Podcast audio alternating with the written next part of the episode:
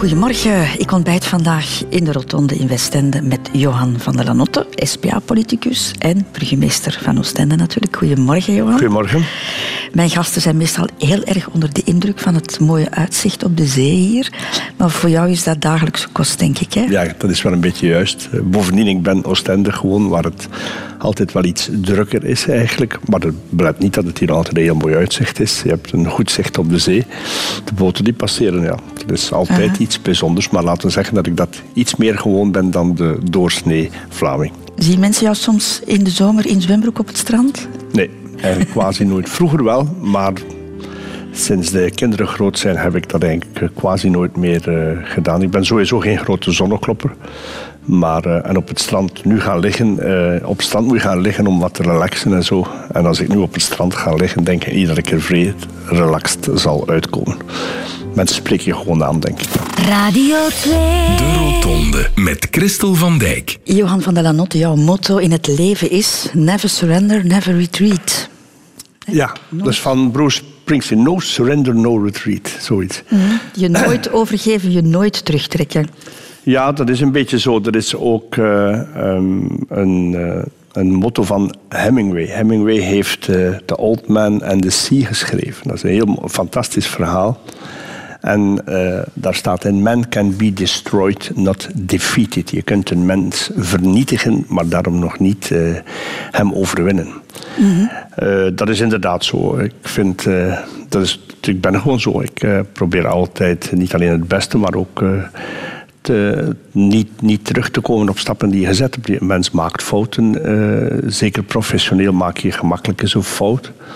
Maar je moet gewoon verder gaan. Je kunt niet achteruit kijken en uh, gewoon verder doen. Soms is het lastig. Soms doe je dingen waarvan je weet dat is misschien niet zo aangenaam voor de mensen. Dat is slecht voor mijn imago. Of dat kan controverse teweegbrengen of wat dan ook.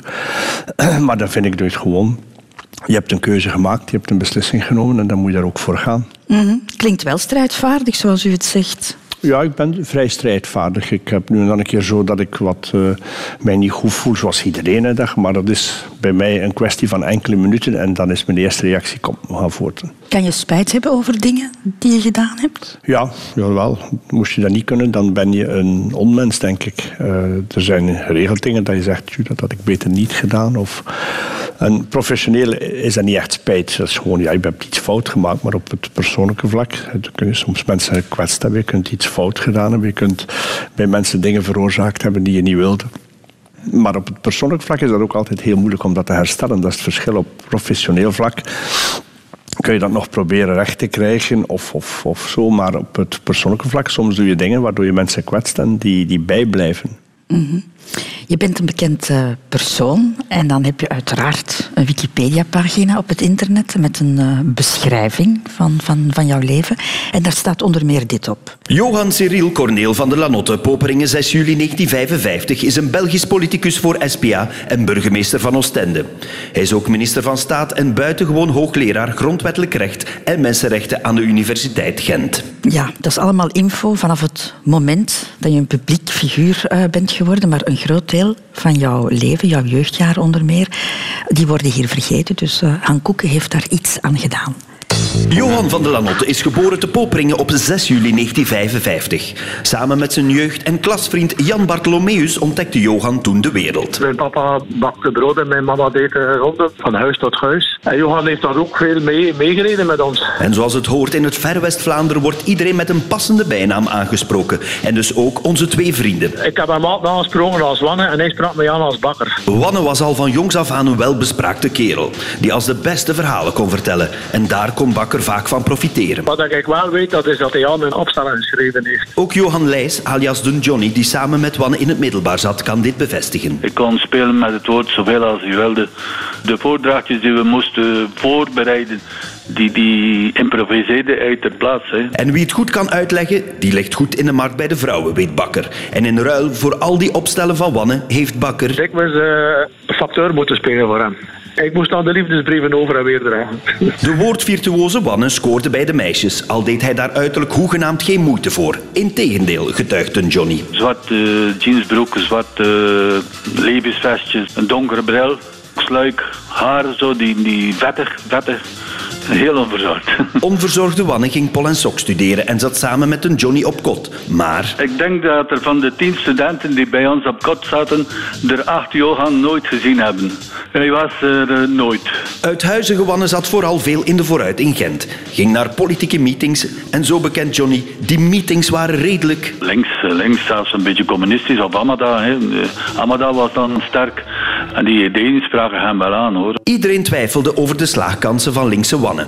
Maar zijn bijzondere studiemethode zorgde voor mirakels, weet Johnny nog goed. En eh, plots, na Pasen, dook hij weer op, begon hij te blokken en eh, was in de eerste zettijd geslaagd. Om toch iets meer uitdaging in die studies te steken, besloot Wanne er nog rechten bij te doen. Met succes. Onze paasblokker studeerde af en enkele jaren later werd hij assistent aan de Universiteit te Gent. Het was in die tijd dat SPA-kopstuk Luc van den Bossen hem voor het eerst opmerkte. Er kon er niet naast kijken dat hij uitermate intelligent was. Heel veel humor, inclusief een vorm van Joodse zelfspot zelfs. Ook eh, rechtuit, hè. kunt niet botsten. Maar het klonk duidelijk. En zo kwam intelligente Wanne in het vizier van ene Louis Tobak. Niet veel later zou zijn politieke carrière een hoge vlucht nemen. En de rest is history. Mooi. En dat lange vettige haar, daar moet je je nu geen zorgen meer over maken. Nee, dat is ondertussen allemaal eh, al weg. Maar ja, wij hadden, als je lang haar had en je was, inter- ik zat- was intern. Dus als je de hele week op het internaat zat, kon je... We hadden geen douches daar, ik had gewoon een, een lavabo. Dus als je lang haar had, kon je ook je haar tijdens de week gewoon niet wassen. Dus iedereen met lang haar, die liep daar zo'n beetje onverzorgd eh, rond. Maar dat ik niet erg verzorgd was, is juist... eh, maar ik was nooit bij Amada, ik was bij de anarchist.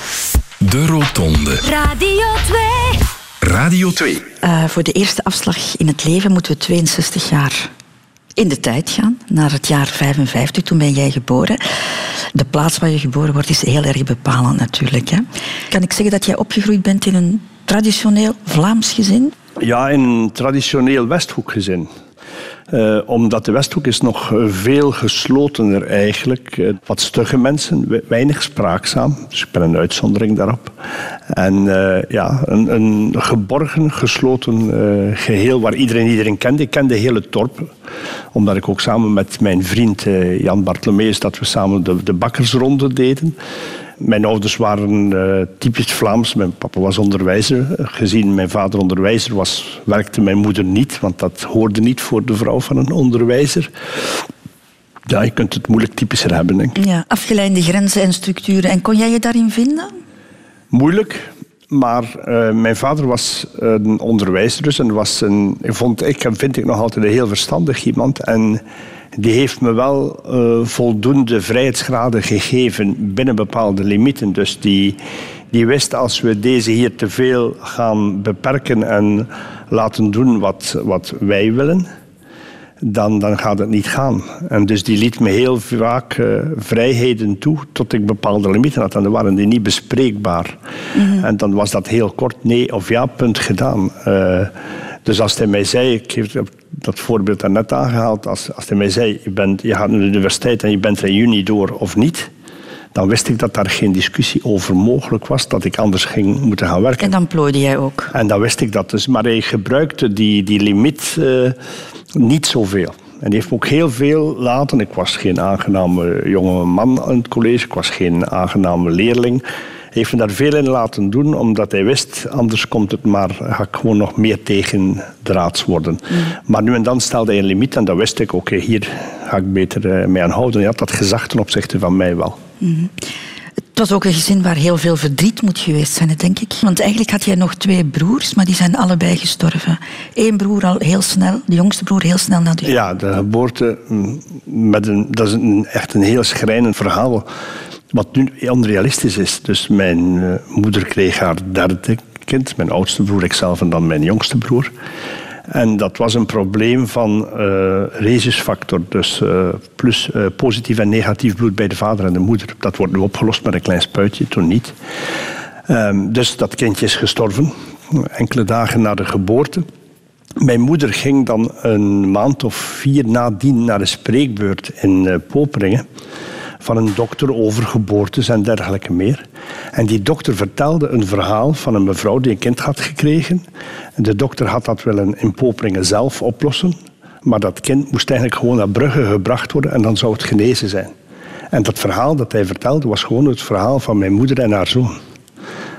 Dus zij, zij hoorde daar eigenlijk een dokter uitleggen dat haar zoon had kunnen leven. Dat heeft in het gezin toch wel, dat heeft toch wel gewerkt. Terwijl mijn moeder daar weinig aandacht aan gaf ten opzichte van ons. Uh, we gingen één keer op het jaar naar, naar het graf kijken. Maar ook dat is vervaagd. En het feit dat we met twee broers waren, dat, dat leek een klein beetje toch verwerkt, als je dat zo mag zeggen. Uh, toen mijn broer, dan, mijn oudste broer, gestorven is, uh, dan, dan, kwam dat weer terug. Je was 24, hè? Ja, mijn broer was 24, ik was 18. En dan, ja, dan kwam dat toch weer terug. Dat, dat een, het oude zeer kwam wel weer boven eigenlijk. Dat merkte ik wel. Toen mijn moeder gestorven uh, is, hebben we het huis uiteraard geleegd. Hè. Iedereen van wie de ouders ooit gestorven zijn, weet hoe dat gaat. Dat is een van de meeste confronterende momenten, denk ik, in je leven. Je, je, maakt het huis leeg van je ouders. Dat is, dat is heel confronterend. Mijn moeder had van mijn oudste broer, die als hij 24 was gestorven, een foto eigenlijk in iedere kamer, niet, niet opzichten, maar in iedere kamer wou ze dat hij aanwezig was. Maar toen we de, de kasten ledigden, vonden we in een van de kasten zo nog een foto van uh, die kleine broer, zo netjes in, in plastiek gewikkeld, zodat ze dat toch die foto had bewaard. Dat was een uh, heel bijzonder moment. Je ziet hoe dat die vrouw toch twee kinderen verliezen. Dat moet toch, uh, toch wel iets zijn dat afgrijzelijk lastig moet zijn. Maar jij blijft ook over als enige zoon. Heeft dat jouw relatie met jouw ouders beïnvloed? Uh, ik denk het eigenlijk niet zoveel. Ik ben mede door de, de dood van mijn broer heeft mij wel eigenlijk een jaar of twee bijna niet aansprekelijk gemaakt. dus dat is typisch iemand die, die overblijft, die, die heeft een stuk schuldgevoel daarvoor. Waarom ben ik degene die gezond en wel is? Bovendien studeerde ik beter dan mijn broer. Mijn broer slaagde niet op de universiteit, ik kon dat wel. En zo, je krijgt een, een gevoel, waar, waarom, wat is er hier onjuist? En je hebt een stuk ten opzichte van, van heel de wereld een onrechtvaardigheidsgevoel. Als er iets overkomt waar je niks kunt aan doen, heb je nog altijd een beetje een vijand nodig die de reden is van wat u overkomt. Maar voor de rest denk ik dat dat eigenlijk uh, relatief weinig impact heeft. Mijn leven beïnvloed, maar mijn relatie met mijn ouders is, is daar niet echt door, niet door beïnvloed en die is ook heel goed gebleven eigenlijk.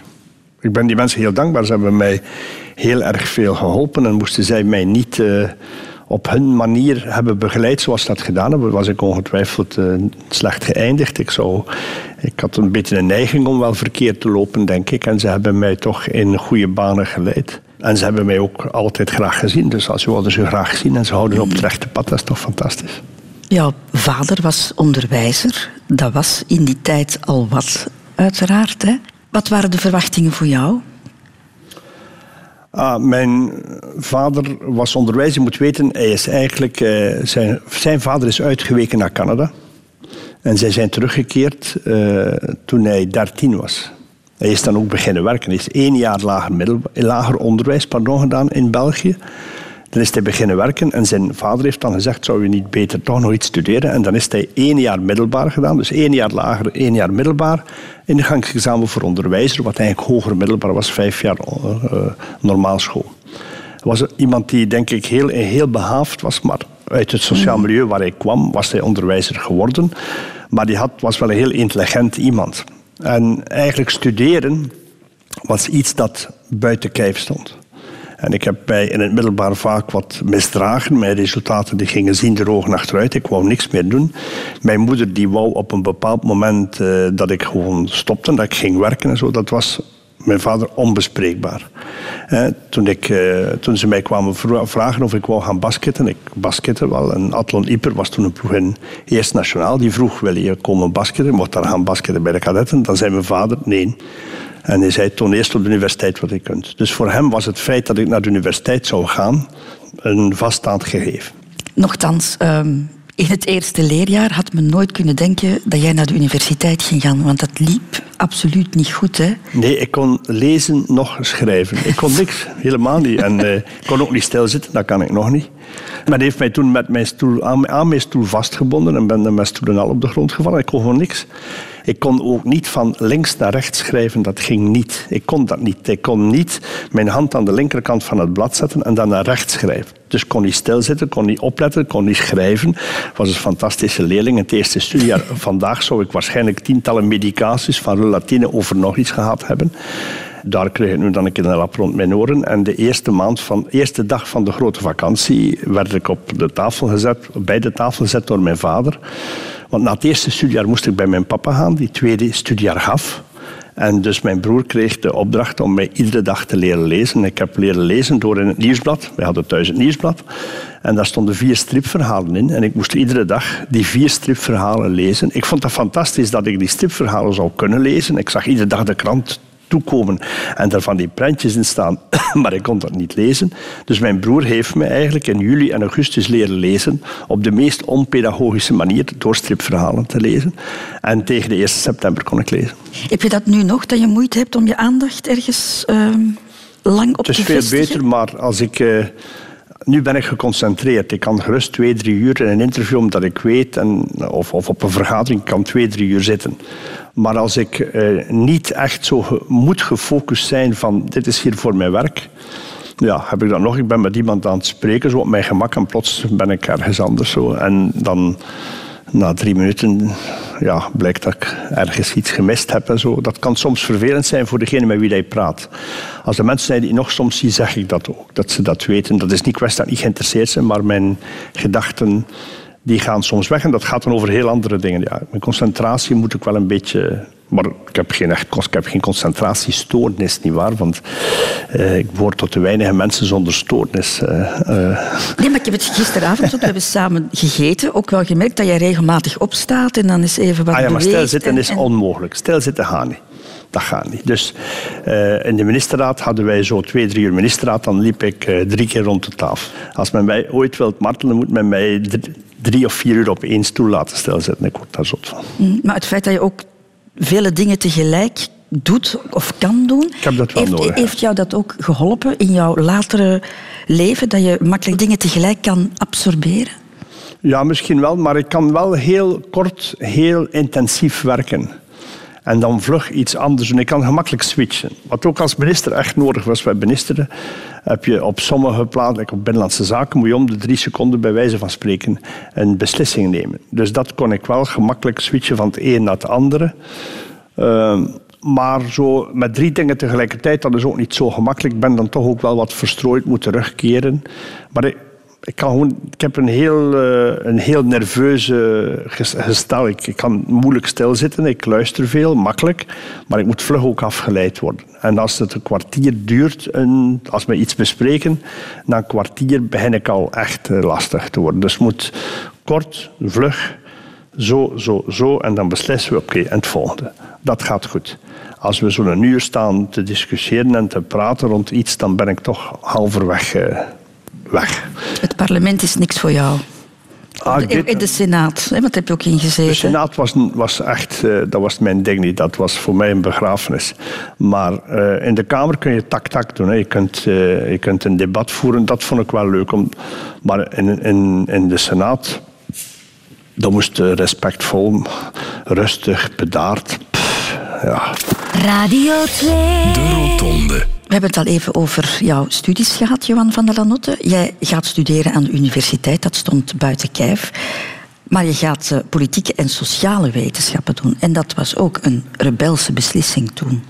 Ja, en ik deed dat in Gent bovendien. Dus bijna iedereen van het college van Poperingen ging naar Leuven. Omdat iedereen naar Leuven ging, ging naar Gent. Maar ik heb eigenlijk alles wat men mij aangeraden heeft te doen, niet willen doen. Dus niemand heeft mij aangeraden Pol en Sok te doen, dus heb ik dat gedaan. Zo is mijn besluitvorming toch in ruime mate gebeurd. Ja, het is toch raar dat rebelse van jou. Waar komt dat toch vandaan? Ja, ik weet het ook. Ik heb me niet meer afgevraagd. Hoor. Het is gewoon zo. Het is ondertussen al veel uh, verbeterd. Op 62 heb ik dat niet meer. Maar dat was zo. Ik deed dat... Uh... Maar ja, je, je groeit ook op in een omgeving waar alles volgens de regels gebeurt, volgens de traditie gebeurt, volgens het geëffende pad gebeurt. Hè.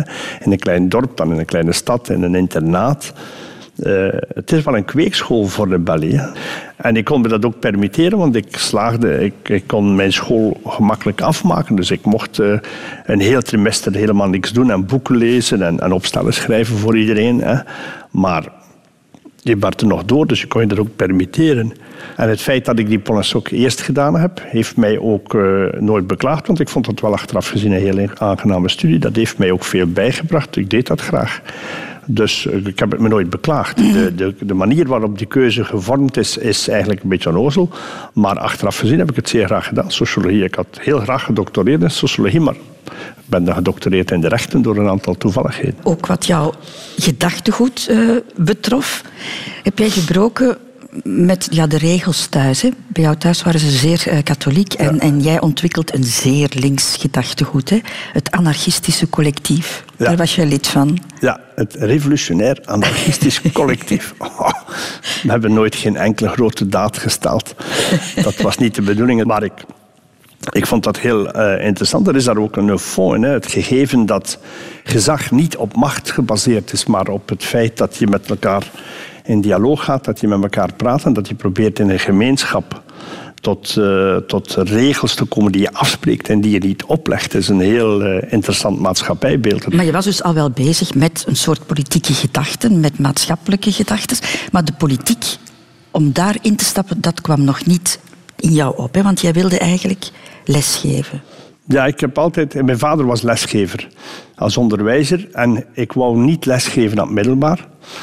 Omdat ik als student in het middelbaar mij heel onbehoorlijk gedragen had. En ik wou niet aan mensen zoals ik lesgeven. Ik- Dat vond ik...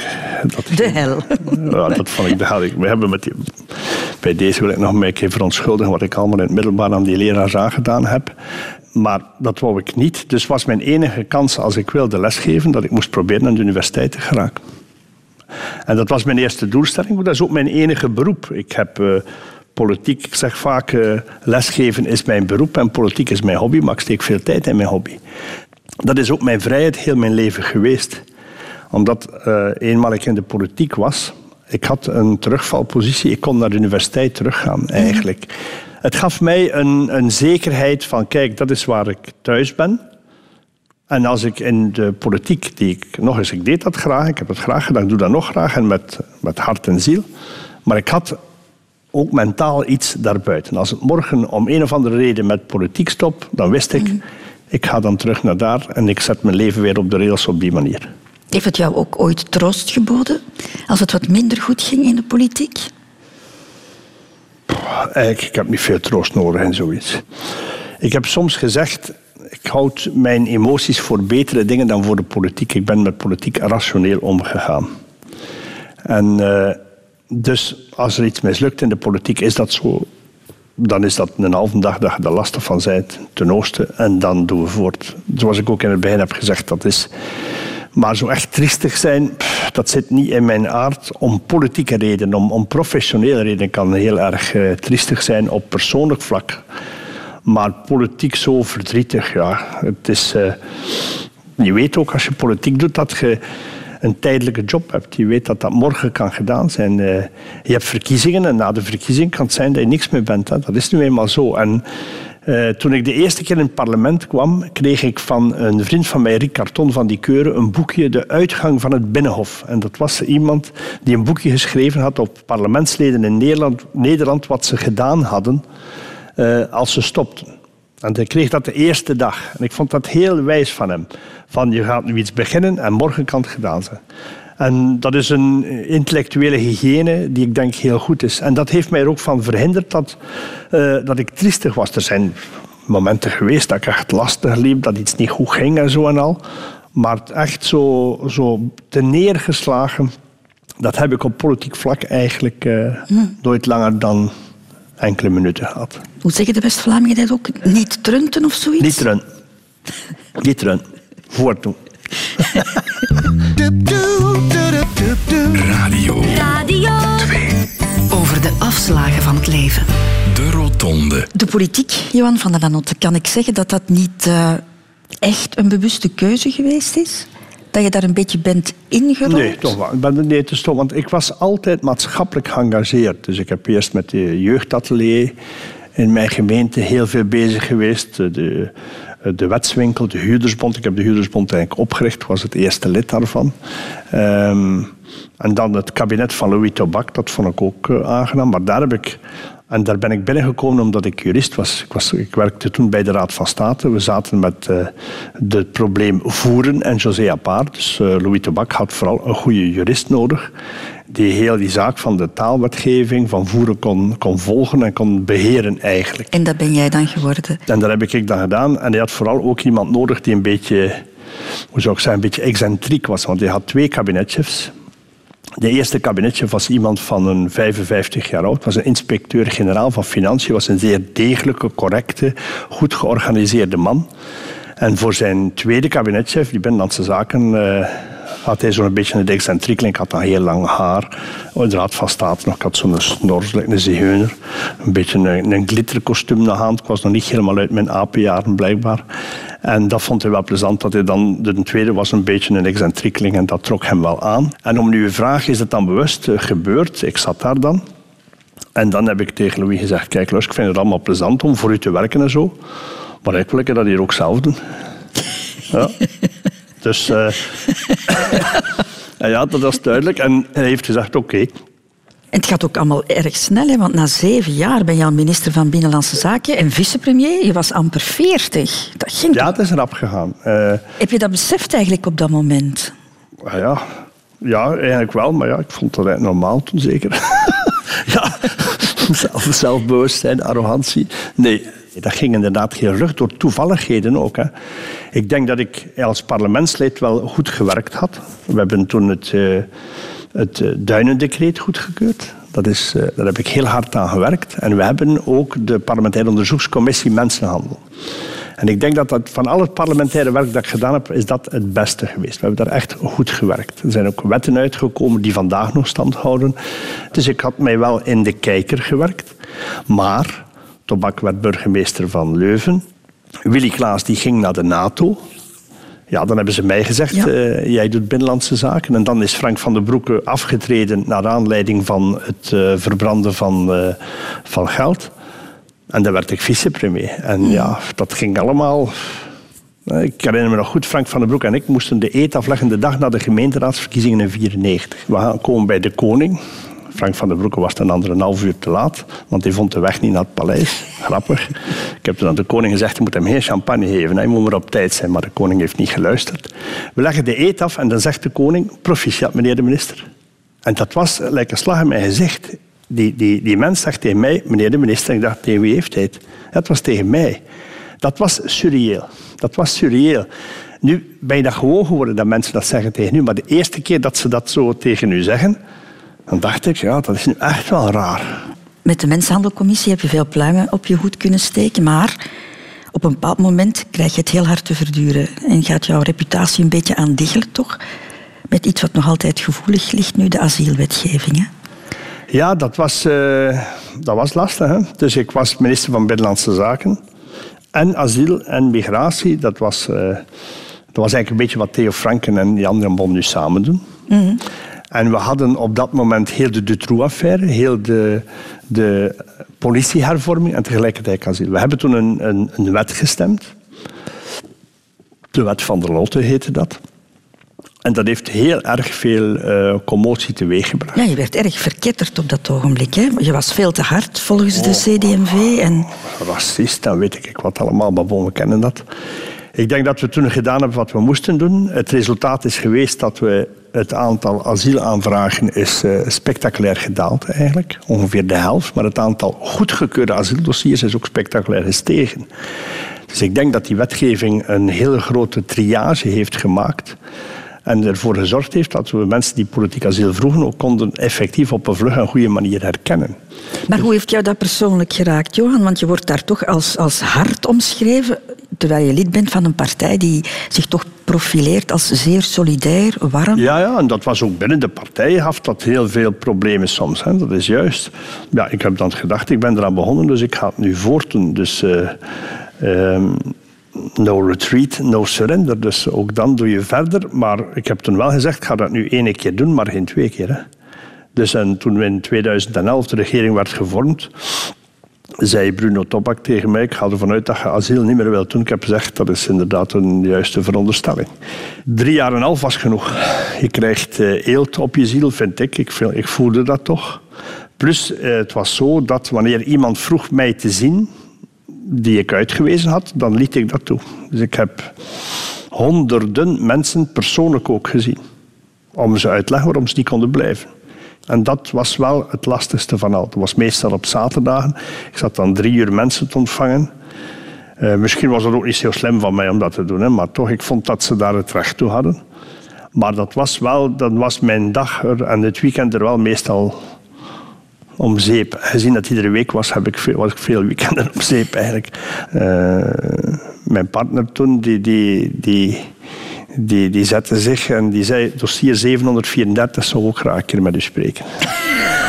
Ja, dat was ook zo. Je bent zo opgefokt. Het was ook mijn eerste ministerschap. Hè. Dat is een groot verschil. De eerste keer dat je minister bent, en dat was onmiddellijk Binnenlandse Zaken, vicepremier en asiel. Dat was... Uh... Veel. Ja, ja, ja. In 2005, ja, je was in totaal tien jaar minister, werd jij voorzitter van, van de SPA. In de periode dat de partij het goed deed. Ik kan me voorstellen dat je daar dan ook aan, een, aan begint met een zekere geruststelling. Nee, helemaal niet. Uh, ik werd in 2005 voorzitter. We hadden in 2003 fantastische verkiezingen gehad. In 2003 waren we al 3% achteruit gaan. We hadden nog 20%. Um, en eigenlijk uh, heb ik gedurende drie jaar gezegd: maar ik ga geen voorzitter worden. Ik kan dat niet.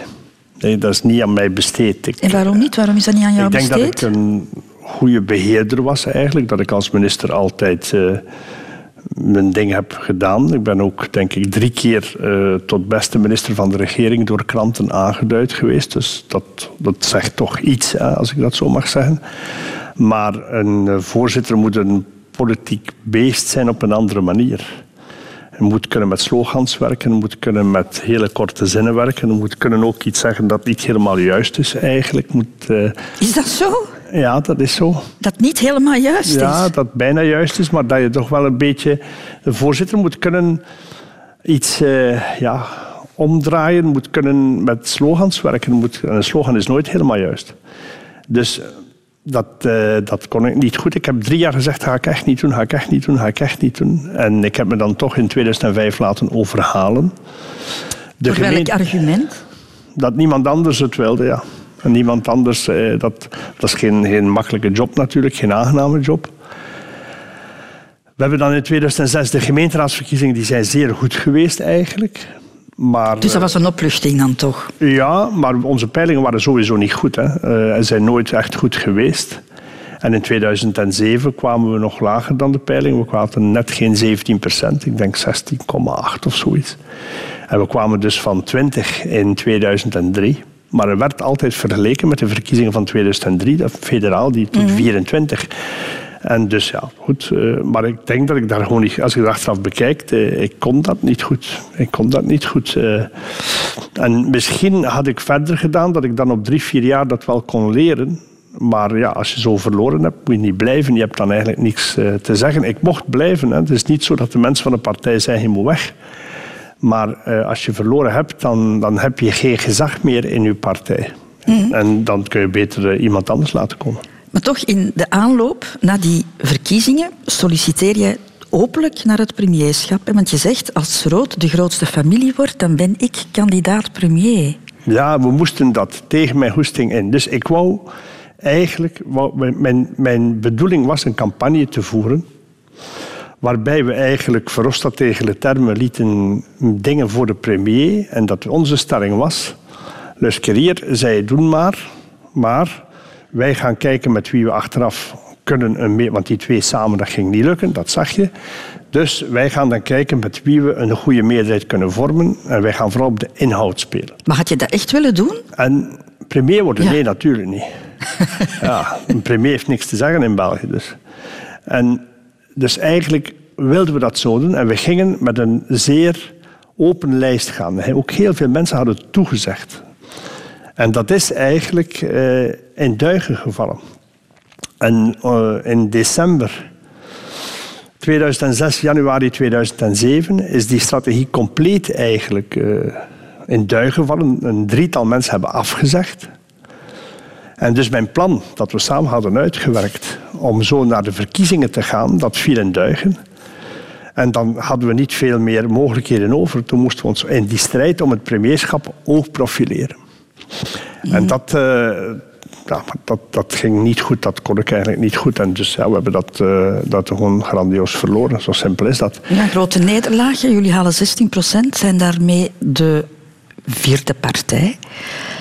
Was dat toch een persoonlijke nederlaag? Ja, uiteraard. Je bent verantwoordelijk voor de campagne. Uh, je bent het boegbeeld. Als je niet genoeg stemmen haalt, dan, dan is het uh, ook persoonlijk dat je niet de mensen hebt kunnen overtuigen.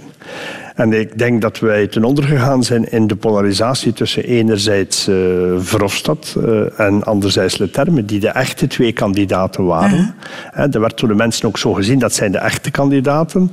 En de SPA, oké, okay, dat is misschien wel aangenaam en goed. En uh, hadden we wel wat sympathie, maar we, een, een, een, premier die vanuit de SPA ging komen, dat vonden de mensen niet het punt. En de enige tegenwicht tegen de termen was eigenlijk Verhofstadt, die daar ook scherper kon zijn, die dat beter deed. Ik kan in een debat niet zo makkelijk zo mensen persoonlijk scherp aanvallen. Dat ben ik niet goed ten opzichte van de termen. Verhofstadt, dat kon ik niet goed. Ik deed dat ook niet goed daarin. Zij waren veel scherper. Ik was uh, gematigder en dan ga je ten onder. Maar dat is zoals ik ben. Ik ga in een debat te veel zoeken naar een argument en te weinig naar een punt waar je iemand kunt raken. Dat is een nadeel. Wat herinner jij je nog van die bewuste verkiezingsdag, die avond? Eigenlijk niet zoveel. Eigenlijk. Uh, ik herinner me, ik was bij mijn moeder thuis gegaan op de dag van de verkiezingen. En we zijn dan uh, om drie, vier uur ben ik vertrokken naar Brussel. En de eerste resultaten kwamen binnen en mijn chauffeur die zei, zouden we nog wat stemmen halen eigenlijk. een kwestie van een beetje de positieve toon te zetten. Maar uh, ja, ieder, ieder, uur verloren wij dan meer stemmen. Zo. Dat was uh, een beetje surrealistisch. Maar goed, ik draai dan heel snel de knop ingekomen. Sports ben ik opgestaan en ik gezegd, oké, okay, we gaan er hier uh, een einde aan maken. Heb je daar geen verwerkingsproces voor nodig nee, gehad? Niet zo lang. En dus, dus morgens heb ik gezegd, oké, okay, dat is hier gedaan. Oké, okay, tegen s'avonds was dat ook beklonken. En de, de dag erop, bon, dag erop, twee dagen erop heb ik gewoon verder gedaan. Het is ook bij wijze van spreken maar politiek. Hè. Ja, maar je hebt wel een verantwoordelijkheid. Dat is iets anders. Maar als mijn moeder gestorven is, heb ik daar veel langer last van. Heb. Ik heb daar een jaar uh, last gehad om dat te verwerken, omdat ik op het moment dat ze stierf die tijd niet kreeg, omdat ik dan in de bemiddeling zat. Maar uh, ja, dat is iets anders. Zijn verkiezingen, je weet dat je kunt verliezen. Hè. Maar je trekt je wel terug dan? Ah ja, op die omdat, periode. Omdat je geen macht meer hebt. Je hebt geen macht meer, je hebt geen gezag meer. Je kunt niet in een partij met gezag spreken als je net de verkiezingen hebt verloren. De Rotonde. Radio 2. Radio 2. En dan is het nu de beurt aan de liefde, Johan van der Lanotte. Wat verwacht jij daarvan als jonge kerel? Ha. Wat verwachtte ik daar als jonge kerel? Ik weet dat eigenlijk niet goed. Als jonge kerel was ik meer bezig met de dood van mijn broer dan met de liefde die kwam. Het heeft mij toch wel lang bezig gehouden eigenlijk. En dat is pas veranderd als mijn eerste dochter geboren is, mijn eerste kind geboren is, en dat je zag dat die bleef leven. Uh, het was ook zo, de, de broer van mijn eerste vrouw is ook, ook gestorven, is verongelukt. Dus het feit dat mensen die je graag ziet stierven, was een vanzelfsprekendheid bijna. Een beetje overdreven gezegd, maar toch. En mijn dochter was het eerste wezen die ik graag zag, die, die blijkbaar van plan was te blijven leven. Heeft de dood van jouw broer ertoe geleid ook dat je je moeilijker hechtte aan mensen? Omdat je schrik had dat je ze kon verliezen? Ik denk dat ik dat sowieso heb. Ik denk niet dat dat daardoor kwam eigenlijk. Ik denk sowieso dat, uh, dat mijn capaciteit uh, zo om mij te hechten niet zo afgrijzelijk groot is. Eigenlijk denk ik. Uh, ik denk niet dat dat door mijn broer komt. Ik denk dat dat zo'n beetje in mij zit meer. Dat ik wat afstandelijker ben, wat empathisch vermogen ten opzichte van mensen. Dat meevoelen, dat mee ik denk dat dat niet de grootste talent is die ik heb. Ja. Dat had ik daardoor wel erg. dat gebrek aan empathie, het gebrek of de moeite om, om je te verbinden met mensen, had je dat ook naar je partner dan toe? Beetje, ik weet dat niet, minder toch, maar allee, uiteraard minder, maar toch niet. eh, Ik denk niet dat ik de meest eh, empathische partner ooit geweest ben.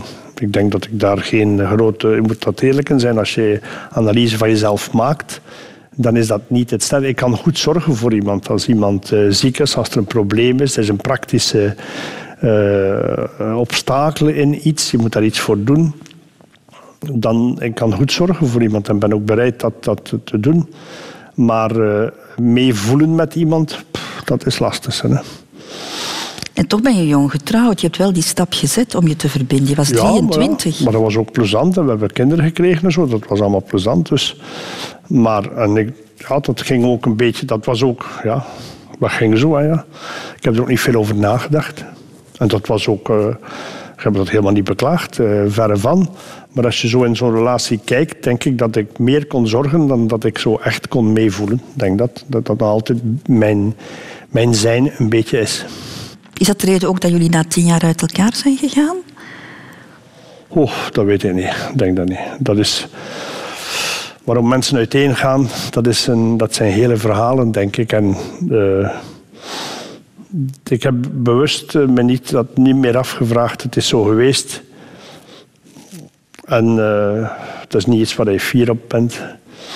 Je kunt er een tijd lang over zitten piekeren. Maar dat is nu toch al eh, 30 jaar geleden. Dus dat is iets wat ik. Dat is eigenlijk weg. Dat heb ik niet meer. je moet daar niet. eh, je kunt daar lang, lang over zitten praten, maar dat doe ik niet. En, en dat is gebeurd, dat is zo. Jammer. Jammer, we hebben geprobeerd dat te vermijden. Het is niet gelukt. En dat zit eigenlijk. Maar je moet dat toch op een of andere manier ook een plaats geven. Je moet dat toch verwerken. Je kan dat toch niet, niet zomaar afsluiten zonder... Oh nee, maar dat zeg ik ook niet. Dat, maar dat is 30 jaar geleden, dat is afgesloten. En eh, het analyseren daarvan, dat ben ik gestopt en ik heb dat ook niet lang geanalyseerd. Het is een verschil tussen iets verwerken en het analyseren, vind ik. Iets verwerken betekent, je heeft het een plaats, je weet dat het zo is, je leert het aanvaarden. Je moet je leven opnieuw op de rails krijgen en het analyseren. Het analyseren vind ik in deze eigenlijk in ruime mate zinloos. Waarom stopt een relatie? Waarom kan een relatie niet doorgaan? In de veronderstelling dat we het allemaal goed weten, dan nog hebben we waarschijnlijk geen verschillende uitleggen. En de waarheid is dat we het ook niet weten. Er zijn zoveel factoren bij de partners die spelen die je niet zelf, van jezelf geen zicht op heeft, onbewust.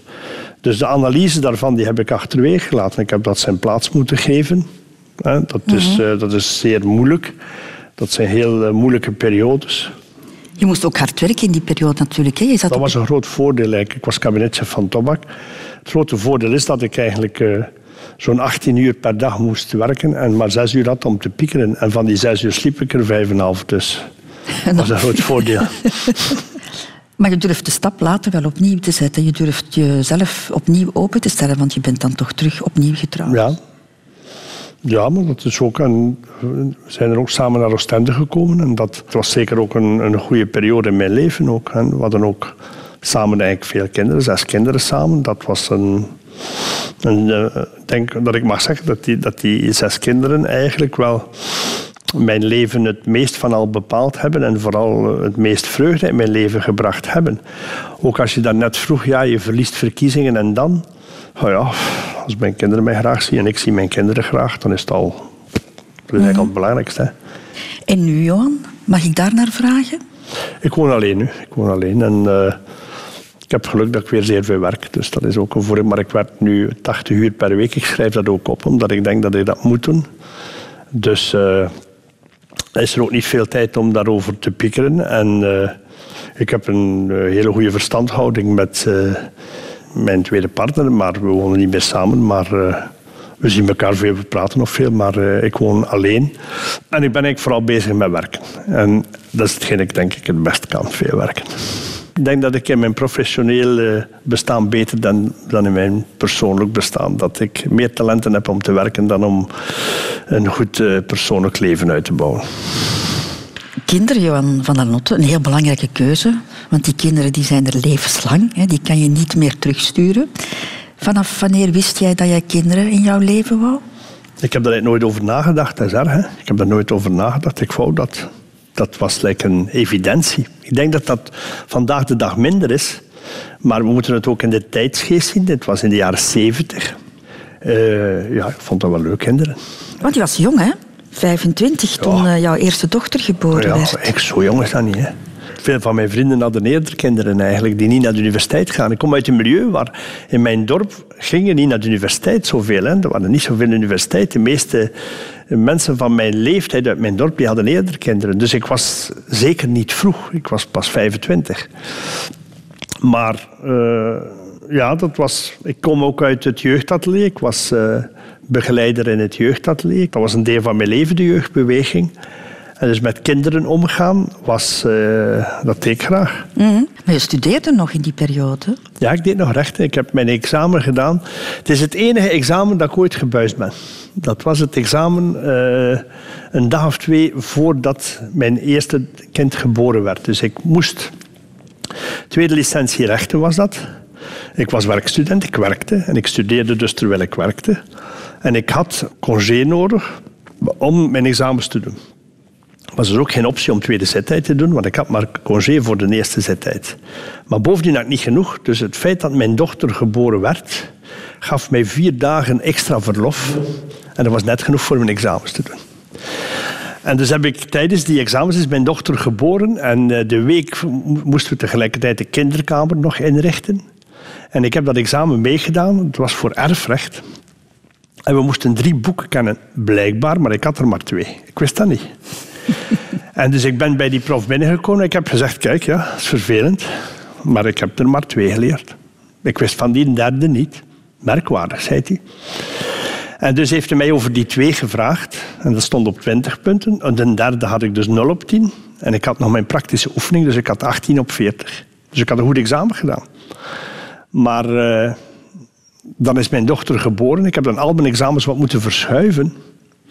Dat was natuurlijk fantastisch. Dan kwam ik bij de professoren en die vroegen, ja, waarom heb je examen verschoven? En ja, ik heb drie dagen geleden een dochter gekregen. Ja, dat was een fantastische introductie. Hè. Dan het was er iemand die zei, oh, dat is lang geleden van mij, mijn kindje. Ze kreeg één vraag en het is goed.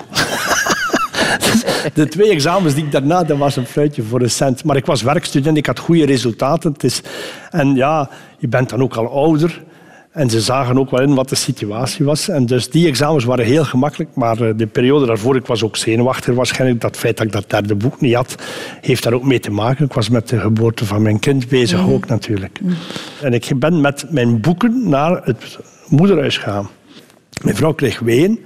Maar je kunt zoveel weeën hebben als je wilt. Want als dat kind niet geboren werd, dat was de vrijdagavond, kreeg ze weeën. Ik had een maandag examen. Dus als dat ging stoppen ik kon me niet permitteren om niet te studeren. Wat stelt nu, de dinsdag komen er weer, maar de zaterdag stopt dat. Dan moest ik toch de maandag naar het examen. Dus we zijn naar het uh, moederhuis geweest. Ik heb mijn boeken meegepakt. En tussen de weeën door heb ik nog wat gestudeerd. Dat jij zo rationeel kan zijn op zo'n emotionele momenten tekent jou ook wel, hè? Ja, maar het moest wel, ja. ja. Daarna zijn er nog drie kinderen gekomen, dus je hebt eigenlijk wel gekozen voor een, uh, ja. voor een, voor een groot gezin. Ja, dat was leuk. En dus dan waren er twee kinderen bij mijn tweede partner. En dus eigenlijk beschouw ik die zes als mijn echte kinderen. Dan heb ik nog een petekind ook. En ik heb in Antwerpen ook een petekind. Dus ik heb een vrij ruime familie eigenlijk. En wat voor vader was jij? Want je bent opgegroeid met heel strikte regels, toch wel? Een, een gestructureerde omgeving? Minder omdat ik er niet veel was. Hè. Dus als uh, politicus, als minister zeker, ben je er eigenlijk niet veel.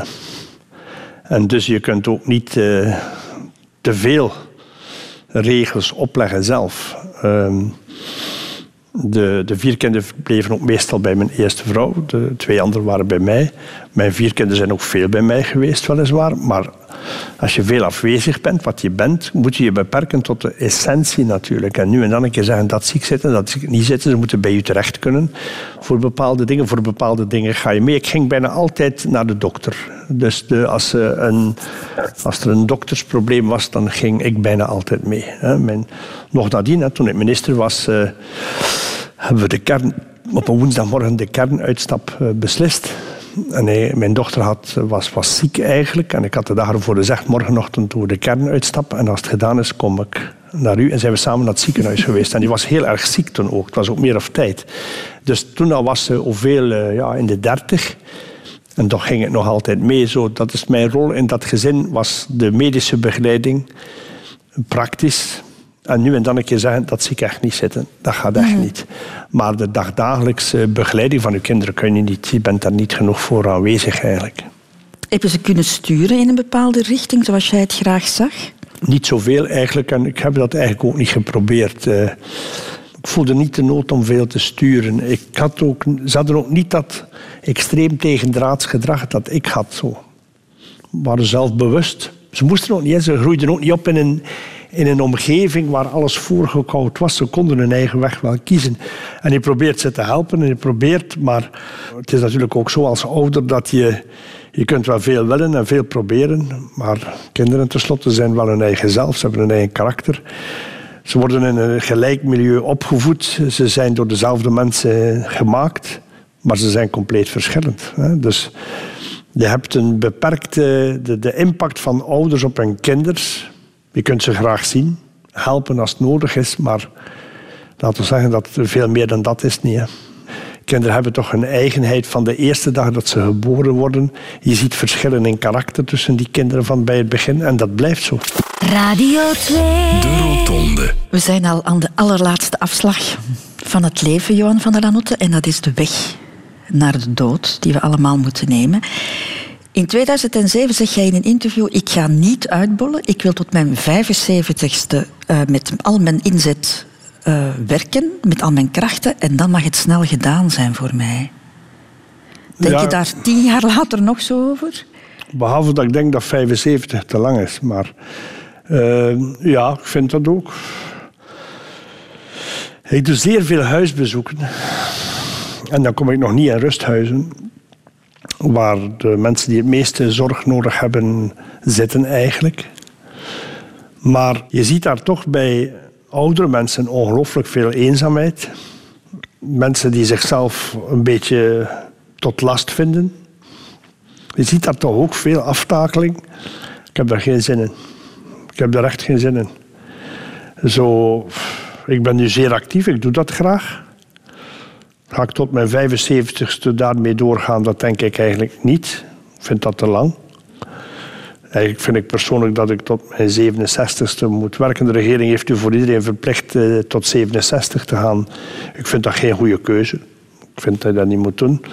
Maar voor iemand die eigenlijk een intellectueel beroep heeft, like ik, vind ik dat wel te verantwoorden. Dus voor mezelf, maatschappelijk, vind ik dat ik zou eigenlijk moeten proberen te werken tot mijn 67ste.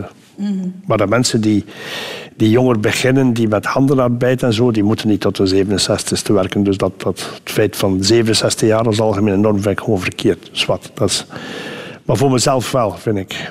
Maar de, kijk ik zo uit naar een rustige, aangename oude dag, waar je dan wat kunt wandelen, cultuur, boeken lezen en dergelijke. Nee, ik kijk daar niet naar uit. Nee, eigenlijk niet. Ik denk dat ik mij ongelooflijk zou kunnen vervelen. Ja, ik kan, me dat niet veel, ik kan me dat niet inbeelden. Ik heb het nooit gedaan, dus eh, ik weet niet hoe dat het zal zijn. Maar het is niet een vooruitzicht, zo een, een rustige oude dag. Met jouw rusteloosheid? Nee. Ja. Hè? nee. In het leven moeten we ook leren afscheid nemen. Ehm, dat hoort ook bij het leven. Dat heb jij verschillende keren moeten doen. Twee broers. Ehm, je beide ouders ook. Je vader is in, in 2005 gestorven en je moeder begin 2011. Dat is nog niet Ja. zo lang geleden. Nee, hè? nee. Dat, eh, als ik dat zo mag zeggen, het, het eh, sterven van mijn vader is eh, gemakkelijker verwerkt geweest dan dat van mijn moeder. Mijn papa werd ziek op kerstdag. We zijn samen gaan eten en hij werd dan eigenlijk on- ongemakkelijk. Zo. Ik kreeg koorts. Hij had een eh, spierziekte eigenlijk, eh, die geleidelijk tot het verminderen van zijn spierkracht eh, leidde. En dus hij kreeg een zware ontsteking, een longontsteking en zo. Dus hij, en je hebt niet meer de kracht, die spierkracht is dermate dat, dat, dat de longen niet meer geventileerd genoeg worden. Allee, alles verzwakt eigenlijk. En hij is dan tien dagen in het ziekenhuis geweest voor hij gestorven is. Ik heb die tien dagen ook in het ziekenhuis geslapen. Ik was toen minister, ik ben ook naar Brussel gegaan, maar ik sliep iedere dag in het ziekenhuis. Mijn moeder ook ten andere. En dus het feit dat we daar een hele week bij geweest zijn.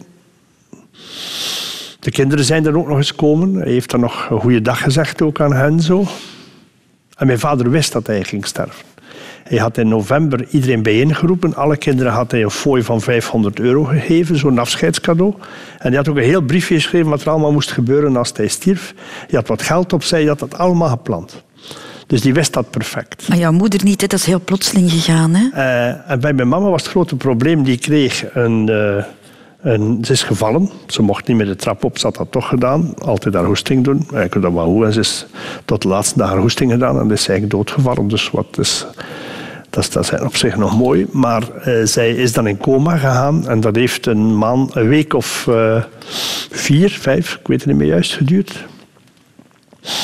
Dus dat was, ik, had, ik had eigenlijk zo graag nog een keer tegen haar iets gezegd en dus eigenlijk het afscheid nemen. Dat heb ik niet gekund. De laatste keer dat ik haar zag was ze gevallen. Ze had haar knie gebroken.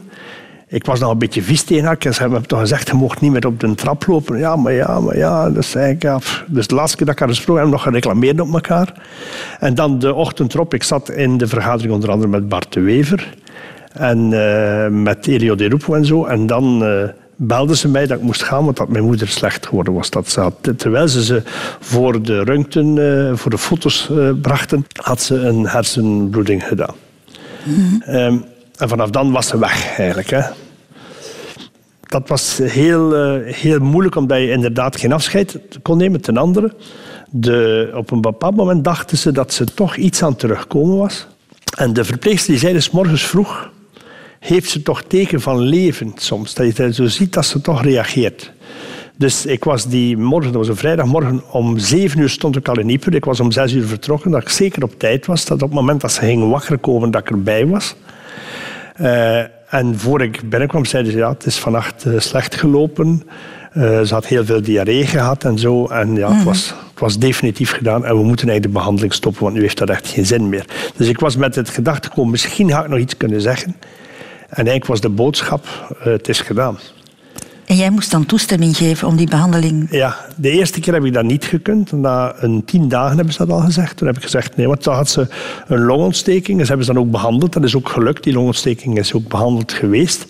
Ik ben dan van Brussel naar uh, Yper gereden. Ik heb met mensen gebeld. Iedereen zei, het zal echt niet meer gaan. En ik ben toegekomen en ik heb gezegd, ik kan die beslissing niet nemen. Ik moest ze verzorgen.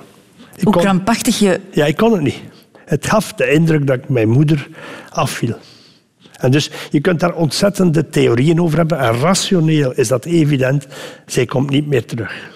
Maar ik kon dat niet. Ik kon dat niet.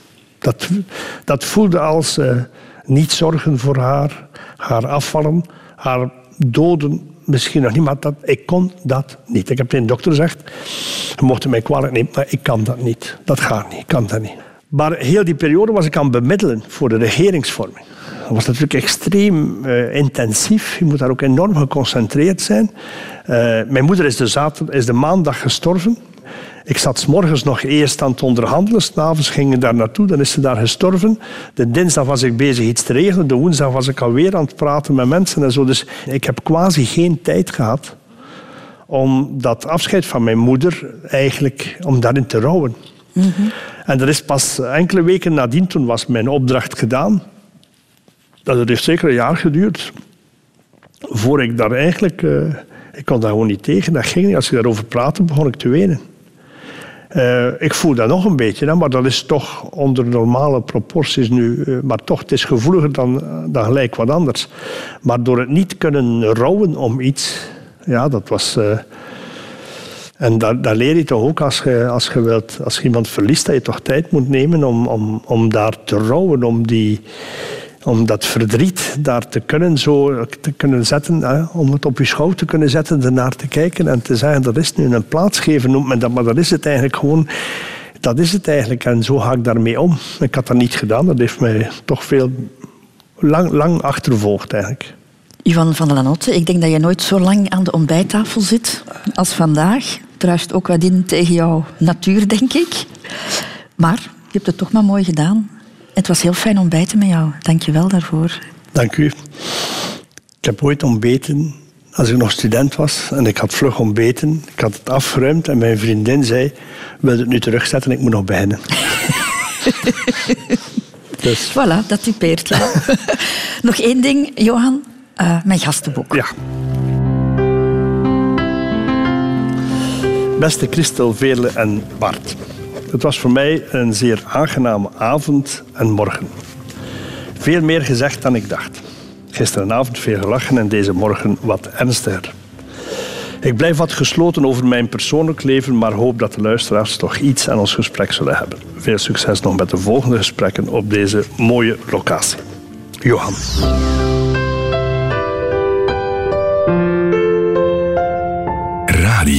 Radio